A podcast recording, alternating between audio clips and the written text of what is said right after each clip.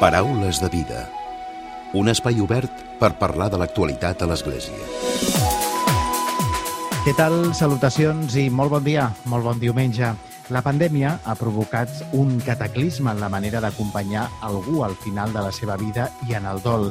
Així s'expressa el capellà José Carlos Bermejo en el seu llibre Duelo Digital i Coronavirus, editat per Desclé de Brouwer. A través de les seves pàgines, aquest capellà, que és doctor en Teologia Pastoral Sanitària, expert en dol i en humanització de la salut, ens proposa reflexionar sobre el panorama que ens deixa aquesta pandèmia amb la pèrdua d'éssers estimats i el procés de dol. La Covid-19 ha obligat a fer comiats digitals, a tenir contacte amb les persones que estimem només a través de pantalles. Ell diu que la mort física s'ha posat al costat de la vida digital. Ens parla de conceptes com ara els cementiris digitals, els rituals virtuals, els codis QR per les làpides, conceptes que ja existien abans de la pandèmia però que aquesta ha reforçat i ha ampliat. El llibre, José Carlos Bermejo, parla del dol vinculat amb el món digital i del dol del coronavirus. De seguida en parlem. Abans, però, com sempre, us recordo que tancarem el Paraules de Vida amb un nou comentari de l'actualitat de Francesc Romeu. Comencem.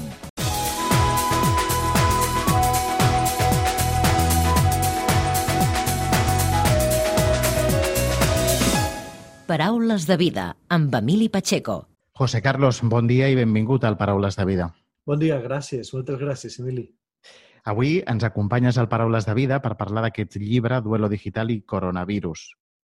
La pandèmia, aquest coronavirus, ha estat una sacsejada per tothom, ha sido un, terremoto para, todo el mundo, nos ha cambiado la vida y esto hace que, la vida digital se haya acelerado más, ¿no?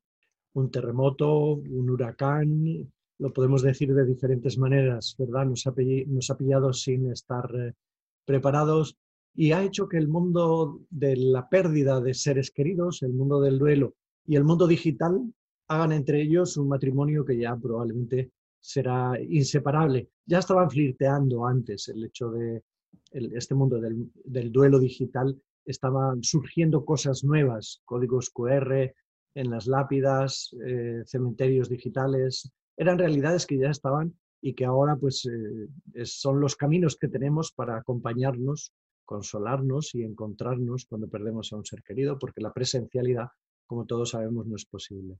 De hecho, eh, eso te quería preguntar, ¿no? De la pandemia lo que ha hecho ha sido provocar eso, ¿no? Que la gente muera sola, ¿no? Sin, sin que nadie le coja la mano o le, le dé un último, un último adiós, ¿no? Le pueda decir un último adiós. Está siendo dramático, no hay que quitarle intensidad a la realidad, que es que es un drama que las personas mueran sin la proximidad de sus seres queridos, sin el abrazo, sin el, la evidencia de que efectivamente la persona va deteriorándose y falleciendo. Y lo cierto es que esto no es lo mismo que la soledad. Los profesionales sanitarios están haciendo milagros, digámoslo así, están sacando lo mejor de sí mismos y se están convirtiendo en representantes de la familia en los servicios de cuidados, en mediadores de los mensajes que los familiares quieren comunicar a través de los teléfonos, las videollamadas, las cartas que son escritas. Hay experiencias muy bonitas en las que algunos profesionales pues em, hacen lo que, lo que no siempre en el contexto familiar alcanzamos a hacer, que es pues estar en silencio o pronunciar incluso una oración. Me consta que hasta personas no creyentes han hecho esta experiencia justamente para eh, rodear el momento sagrado del final de dignidad propia de la condición humana. Hablamos de, tú de hecho eres experto en duelo, hablamos del duelo. Mm, ¿Qué diferencia hay entre el duelo, mm, si podemos decirlo normal, del duelo digital? La gente, porque en el momento que tú pierdes a alguien, no sé si, si, si estamos para diferenciar, ¿no? Cómo, lo hacemos digitalmente, cómo lo hacemos si, si, una persona que quizá no esté conectada de manera constante a, a redes sociales, a Internet, a la, a la red, ¿Cómo, ¿Cómo se vive ese duelo? ¿Y qué diferencias, si tú crees que hay diferencias, cómo son esas diferencias? Bueno, el duelo todos sabemos que es un proceso, es un proceso de adaptación a una nueva realidad que cursa sin el ser querido. Yo tenía padre, dejo de tenerlo, tenía pareja, dejo de tenerla, tenía hijo, dejo de tenerlo y me tengo que adaptar. Y este es el gran desafío que significa el, el duelo, un proceso de adaptación que nos compromete a nivel psicológico, a nivel cognitivo, a nivel emocional, a nivel valórico, a nivel espiritual, a nivel conductual. Es una bofetada que la vida nos da y que nos obliga a hacer un trabajo, lo que llamamos un trabajo del duelo y unas tareas del duelo.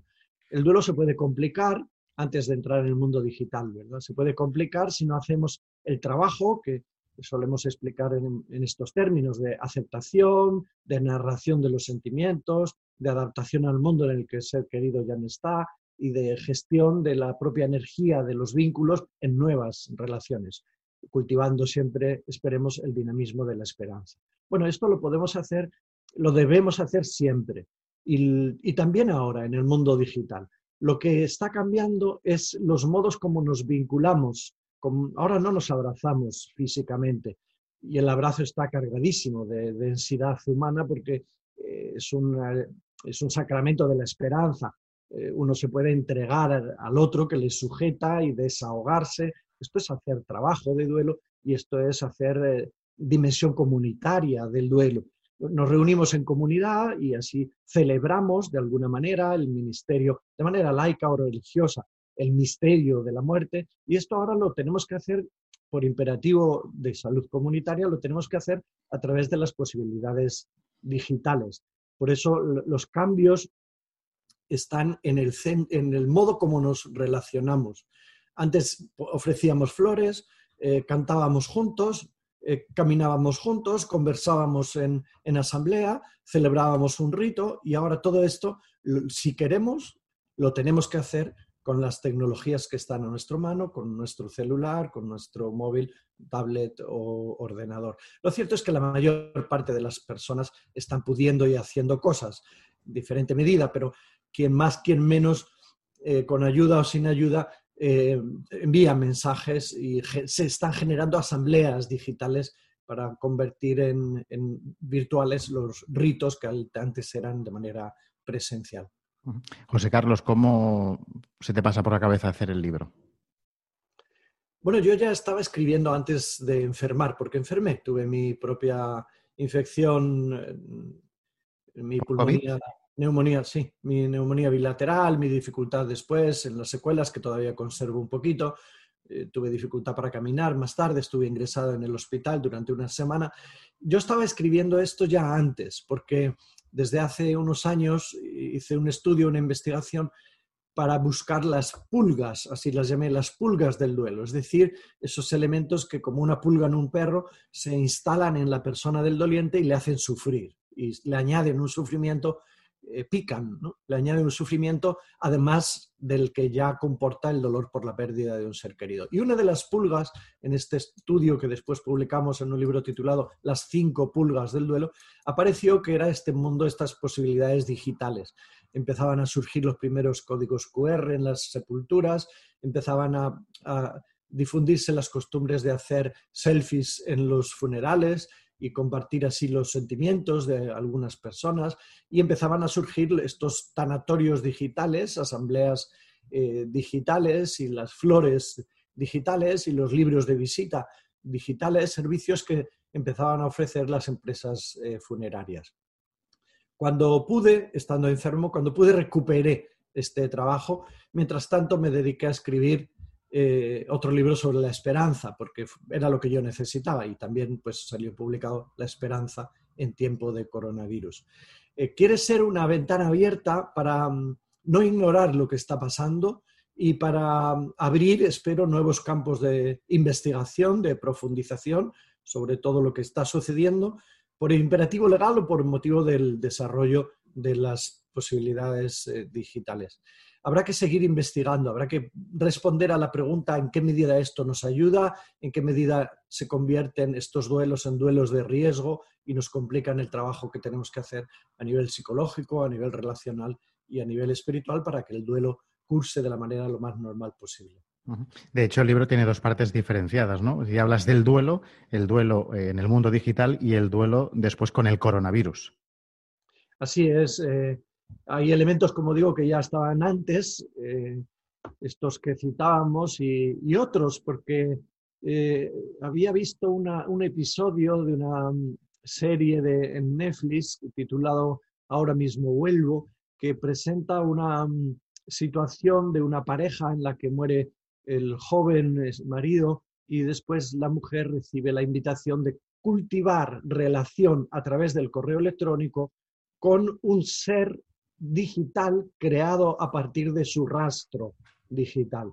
Y bueno, pues esto no tiene que ver con el coronavirus, sino que es previo. Efectivamente, esa película nos muestra cómo en el futuro muy próximo, pues eh, se producirán ofertas de, pongámosle comillas, de resucitación de la persona que perdemos en un ser digital capaz de interactuar eh, a través de estas posibilidades de escribirse correos o incluso, como hace fantasía la película, pues reconstruir un avatar que se parezca muchísimo al ser querido que hemos perdido para poder seguir cultivando la relación con él. Estas cosas ya pasaban, son ciertamente muy delicadas, lanzan desafíos éticos y desafíos psicológicos y ahora con el coronavirus pues eh, lo que más tenemos es esta, este imperativo de relacionarnos a través de estos medios para, no, para que no quede el gran vacío eh, en el duelo, porque en cierta medida podemos decir que nuestras casas se han convertido en tanatorios, en los cuales estamos haciendo lo que antes hacíamos en ese agora, lugar de encuentro, lugar de sociedad y lugar de expresión de la dimensión comunitaria de la muerte. De hecho, en el libro apuntas y dices que, por ejemplo, plataformas como Facebook en el año 2069 ya tendrán perfiles de más perfiles de, de, gente que ha fallecido, de gente muerta, que de gente que viva, ¿no? Y que en la red lo que permite precisamente es eso, que una vez hemos muerto, la gente nos siga, nos siga narrando por, mm, mm, por, voz de otras personas, ¿no? Es decir, cuando estamos vivos, nosotros nos manifestamos, nosotros hablamos, compartimos experiencias, la vida, pero después, una vez muertos, lo que la red hará será que, que la gente nos recuerde. Así le sucede a todas las redes. El Facebook en concreto tiene más de 30 millones de perfiles que están mezclados de personas que han fallecido biológicamente, pero que están vivas, eh, su perfil, en cuanto que el sistema les hace reaccionar, anunciar eh, sistemáticamente mensajes como mañana es su cumpleaños o, dale me gusta. Y, en estos momentos se está hablando también, pues de Facebook ya lo tiene activado, de la posibilidad de hacer cuentas in memoriam, es decir, de llevar en el mundo de las redes a los muertos con los muertos para que no estén mezclados, valga este modo de entendernos, vivos y muertos como si fueran todos perfiles relativos a vivos.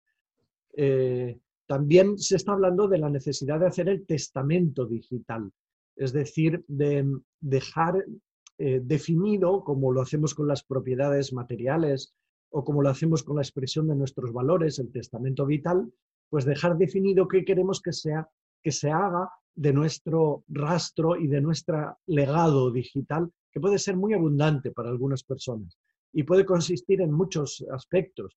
Todas las imágenes, vídeos, audios, nuestros sonidos. Em, ¿Qué va a ser después de nuestra muerte? Pues si no se programa, si no se hace un testamento y si no se aclara que hay efectivamente también una, un derecho de herencia del legado digital, pues es un mundo de nube donde vivos y muertos conviven en una especie de caos y donde el cuerpo, que antes mm, podríamos decir estaba claro, cuando está vivo es reconocible y circula por el mundo, y cuando está muerto también es reconocible y está en el cementerio o incinerado, en el mundo de las redes, el cuerpo digital no se distingue del, del vivo porque permanece, obviamente, permanece vivo en la red y capaz de interactuar por sí mismo automáticamente por los mecanismos de las redes o por herencia de las claves de los dolientes. No sé si, si, crees que todavía falta cultura en este sentido, ¿no? De que ahora hablamos, ¿no? De, ese testamento digital, porque muchas personas piensan o pensamos, yo el día que muera no quiero que mis perfiles, mis perfiles en las redes sociales eh, esté para que la gente lo pueda ver, sino que si yo desaparezco de, esta tierra, que también desaparezca todo lo que, lo que estaba vinculado a mí. No sé si, como ahora apuntas, ¿no? que cada vez sí que habrá más gente que, eso, o directamente ya se está haciendo, que, sí que sea consciente de que quizá una vez muera, pues el perfil o lo que tenga en la, en la red continúe para que la gente lo siga recordando. Sí, tienes razón. Yo creo que, Emily, hay una falta de cultura de la muerte y, del morir en el mundo digital. El mundo digital en muy buena medida se ha ido desarrollando ignorando el límite, ignorando la realidad de la muerte. Por eso uno se hace una tarjeta, por ejemplo, de, fidelidad en, en, viajar con una compañía o en comprar en un determinado lugar y no, muchos, no muchas de estas organizaciones han pensado qué pasa cuando la persona fallece, ¿no? Y por lo tanto se siguen eh, activas y se siguen enviando mensajes porque no hay una cultura que integra la finitud, la, la realidad del límite y también la realidad de que se puedan heredar los derechos u obligaciones que se tengan contraídas con los diferentes seres vivos u organizaciones con las que nos vinculamos en nuestra vida. Digamos, en el mundo digital mm, no está clara la, identificación entre muerte biológica y muerte digital. Eh, se ha de definir a través, entre otras cosas, de esta variable del, del testamento digital que debería difundirse y realizarse cuanto más mejor, sobre todo los que navegamos mucho y vamos dejando mucho rastro. No? Digital. José Carlos, hoy nos acompanya José Carlos Bermejo, ell, ell és sacerdot i ens acompanya avui per parlar del llibre Duelo Digital y Coronavirus, pero ahora nos decías que también tienes uno que es de esperanza para la gente que hoy te oiga a través de la radio, a través del Parábolas de Vida, que es el programa religioso. Supongo que la esperanza ¿no? es lo más importante en situaciones como la que tú en, en tu propia piel has vivido, ¿no? de, de esta situación, de, de este virus. Bueno, yo estaba ya enganchado también a la investigación sobre el tema de la esperanza como un dinamismo vital eh, de Texas para abajo y de Texas para arriba también, ¿no? Es decir, la esperanza en clave religiosa, espiritual y de fe, y también en clave antropológica. Digamos que hasta mm, se podría decir que la, humanidad comienza cuando arranca el dinamismo de la esperanza en el más allá de la, de la muerte y cuando empiezan los ritos funerarios y cuando empiezan pues el, tratamiento de los restos humanos de una manera diferenciada al resto de las especies. Pero en este momento de particular crisis, crisis eh, global por la pandemia, también he percibido a mi alrededor y en mí mismo que la esperanza es lo que nos permite agarrarnos ante la amenaza de, esta, de este huracán, de esta eh, tormenta que, nos, nos está moviendo con tanta intensidad. La esperanza no son palabras huecas, ¿no? Eh, la esperanza es un dinamismo que, como dice un autor, es como la sangre, tiene que estar circulando y si no estás, estás muerto. ¿no? La esperanza es así, es algo que circula por dentro de nosotros y si no estuviera estaríamos desesperanzados, no desesperados, desesperanzados y nos moriríamos o de asco o de autolisis, de algún gesto de, autoeliminación. La esperanza lo que pasa es que tiene muchos apellidos, ¿no? se va resignificando. Uno puede esperar no enfermar, como es propio. Si enferma, uno puede cambiar y resignificar el contenido de la esperanza. Espero que no sea grave y después espero que me curen y espero que no me abandonen y espero que, que me controlen los síntomas. Se va resignificando. Espero volver a casa y recuperar lo que estoy perdiendo y, y, espero en último término, en caso del creyente, espero en Dios y en Él confío y en él me abandono en medio de estas dinámicas humanas. Por lo tanto, la esperanza es una, eh, es una dimensión del ser humano que yo creo que se ha tematizado menos que otras, y en clave religiosa también, como la fe o como el amor, que están más tematizados y descritos. Y esa niña pequeña que decía el poeta francés Charles Péguy, que tira de nosotros, que, que, nos mantiene vivos, que parece que no hace nada, pero que es la que nos da eh, energía suficiente para seguir vivos, pues debe ser explorada y descrita también para ser cultivada y también para ser transmitida, porque necesitamos ser unos para otros eh, testigos de esperanza, anclas con las que los demás se puedan apoyar en medio del sufrimiento que nos está comportando esta situación de enfermedad. José Carlos, se nos ha acabado el tiempo, pero te invitaremos otro día para hablar también del Centro de Humanización de la Salud, que seguro que es un tema interesante que puede interesar a nuestros oyentes. Gràcies, moltes gràcies, Emili. Paraules de vida, l'Església dia a dia. I tot seguit, com sempre, arriba el comentari de l'actualitat de Francesc Romeu. Francesc, molt bon dia. Molt bon dia a tothom. En el programa d'avui no podem fer altra cosa que desitjar-vos ja un molt bon Nadal tothom coincideix a dir que aquest Nadal serà diferent, ni millor ni pitjor. però sí diferent. Serà aquell Nadal del 2020, viscut de ple en la pandèmia de la Covid-19. Un Nadal viscut a casa i comptant les cadires. Un Nadal en el qual hi haurà moltes persones que aquest any recordaran algun ésser estimat que han perdut. Un any viscut amb la por a una malaltia que afecta moltíssima gent.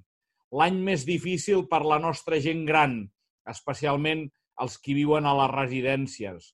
Un any que ha fet anar de corcoll les nostres escoles, d'escolarització a casa i de reducció de les activitats extraescolars. Serà l'any de la mascareta, l'any del toc de queda a la nit, que deixa els carrers il·luminats amb les llums de colors, però sense que ningú se les miri. L'any que més han treballat els nostres sanitaris i tot el personal dels centres mèdics l'any que s'han perdut tants llocs de treball i de tants autònoms, l'any del teletreball a casa. Tot això tampoc està massa lluny d'aquell primer Nadal que ens descriu l'Evangeli de Lluc, quan ens parla d'unes mesures i restriccions imperials per un edicte del César August ordenant que es fes el cens de tot l'imperi i obligant a tothom a desplaçar-se per inscriure's a la seva població d'origen, o dels pastors que havien de mantenir un confinament perimetral i no podien entrar a les poblacions i per això havien de dormir a fora i vivien al ras. O d'aquell hostal que el podríem anomenar Hostal Europa, que no va acollir a Josep i Maria, igual que avui en dia fem amb tants immigrants. Potser avui naixeria Jesús dins d'una nau industrial a Badalona. Per acabar, us voldríem desitjar un molt bon Nadal precisament amb un poema que va escriure un capellà de Navarra, el rector de la parròquia de Sant Lorenzo de Pamplona, el padre Javier Leoz. No sabem de quina manera li va arribar al papa Francesc aquesta petita pregària en forma de poema, però la qüestió és que sí que sabem que li va arribar a les mans i també sabem que li va agradar molt, per la qual cosa ell mateix va agafar el telèfon i va trucar a aquest capellà de Pamplona. Ho va fer per tres vegades. Les dues primeres no va aconseguir poder-hi parlar, però la tercera va anar a la vençuda. I així ho explicava el mateix padre Javier Leoz al seu compte de Facebook. Avui, dissabte 7 de novembre, m'ha passat una cosa realment sorprenent i us ho explico. Jo estava a dos quarts de cinc de la tarda a la casa parroquial de Sant Lorenzo quan m'ha sonat el telèfon mòbil i posava que era una entrada de trucada privada. Quina ha estat la meva sorpresa quan a l'altre costat no estava ni més ni menys que el papa francès per dir-me que li havia arribat un text meu que vaig escriure fa uns dies titulat Que no serà Nadal per reiterar-me que estava molt content després d'haver-lo llegit, per dir-me que aquest Nadal serà més purificat i m'ha manifestat com ens han robat l'esperit cristià d'aquests dies. El meu cor gairebé que em surt del meu pit. Ell m'ha comentat, tranquil, tinc com a costum, com a bisbe que sóc de Roma, de trucar als sacerdots. Increïble, però cert. Per tant, ja veieu, una bonica anècdota. Passem al poema. Diu així, que no hi haurà Nadal? És clar que sí. Més silenciós i amb més profunditat. Més semblant al primer en què Jesús va néixer en soledat sense moltes llums a la terra, però amb la de l'estrella de Betlem centellejant rutes de vida en la seva immensitat. Sense seguicis reials colossals, però amb la humilitat de sentir-nos pastors i rabadans buscant la veritat. Sense grans taules i amb amargues absències, però amb la presència d'un Déu que tot ho omplirà. Que no hi haurà Nadal? És clar que sí. Sense els carrers de gom a gom, però amb el cor enardit del qui està per arribar, sense sorolls ni rebelles, reclams ni estampides, però vivint el misteri sense por al Covid Herodes que vol treure'ns fins al somni d'esperar. Hi haurà Nadal perquè Déu està de la nostra banda i comparteix com Cristo va fer en un pessebre la nostra pobresa, prova, plor, angoixa i orfandat. Hi haurà Nadal perquè necessitem una llum divina enmig de tanta foscor. La Covid-19 mai no podrà arribar al cor ni a l'ànima dels qui al cel posen la seva esperança i el seu alt ideal. Hi haurà Nadal, cantarem Nadales, Déu naixerà i ens portarà llibertat. Molt bon diumenge a tothom i molt bon Nadal. Paraules de vida amb Emili Pacheco.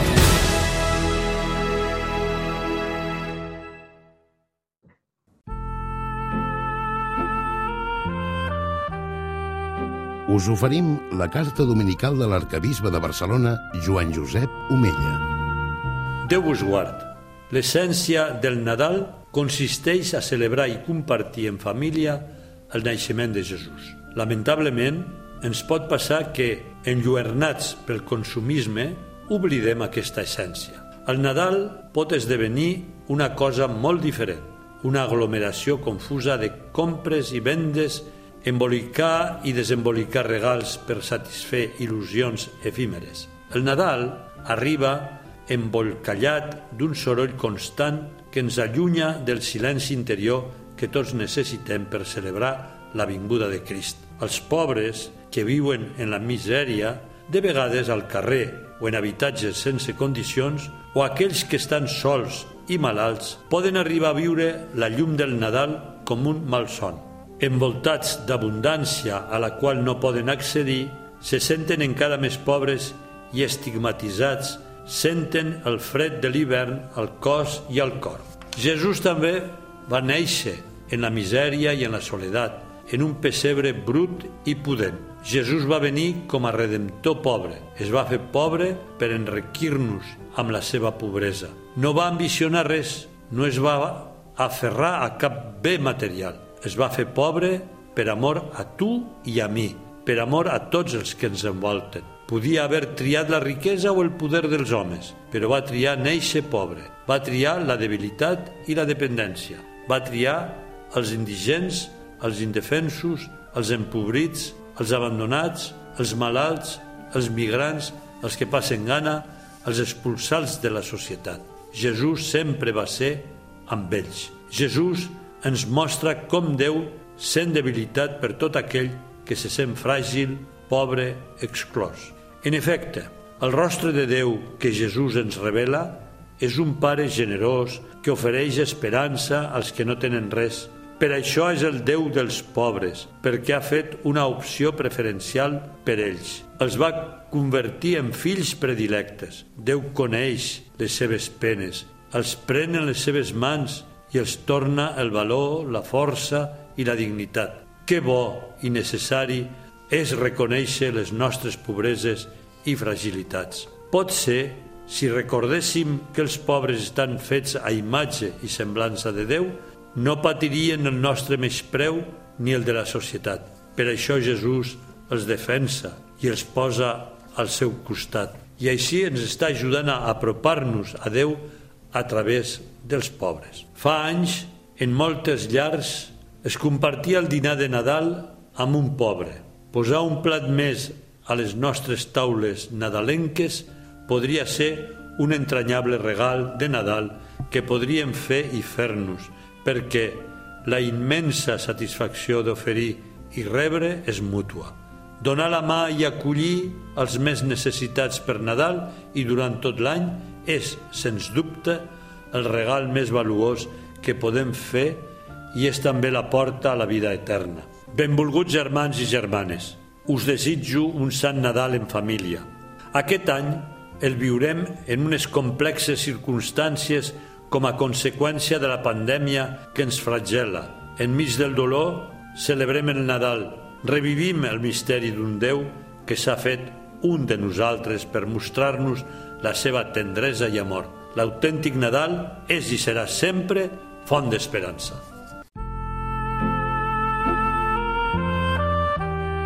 Us hem ofert la carta dominical de l'arcabisbe de Barcelona, Joan Josep Omella.